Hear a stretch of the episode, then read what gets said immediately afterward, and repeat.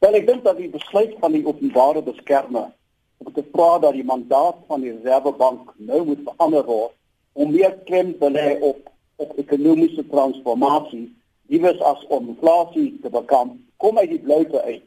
Want dit is moeilik om te sien wat dit te doen het met die abso ondersoek wat ander oorwegings behels. Nou onder normale omstandighede kan daar van tyd tot tyd kan ons debat voer oor oor monetêre beleid en die reservebank, maar ek dink in die huidige Suid-Afrika is daar twee groot probleme. En en die eerste een is dat ons ekonomie is baie kwesbaar op die oomblik. Dit is nodig om ons vertroue op te bou en nie sleutelinstellings te bevaardig nie. Ek dink dis dis dit, dit, dit is baie belangrik. En tweedens, die vlak van vertroue in Suid-Afrika is so laag dat selfs 'n tegniese vraag oor die rol van die Reservebank groot agterdog en eintlik veroorsaak.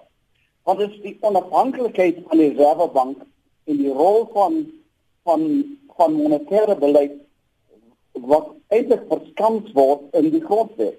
Nou om daaraan te wil peter op die oomblik maak net maak net 'n Pandora's boks oop wat nuwe risiko's kan skep vir die markte. Ons het gesien dat die rand het nie baie moeilik gereageer daarop nie en ook vir die kredietwaarderingsagentskappe wat so noukeurig kyk na ons ekonomiese vooruitsigte. So ek dink daar is 'n probleem hier.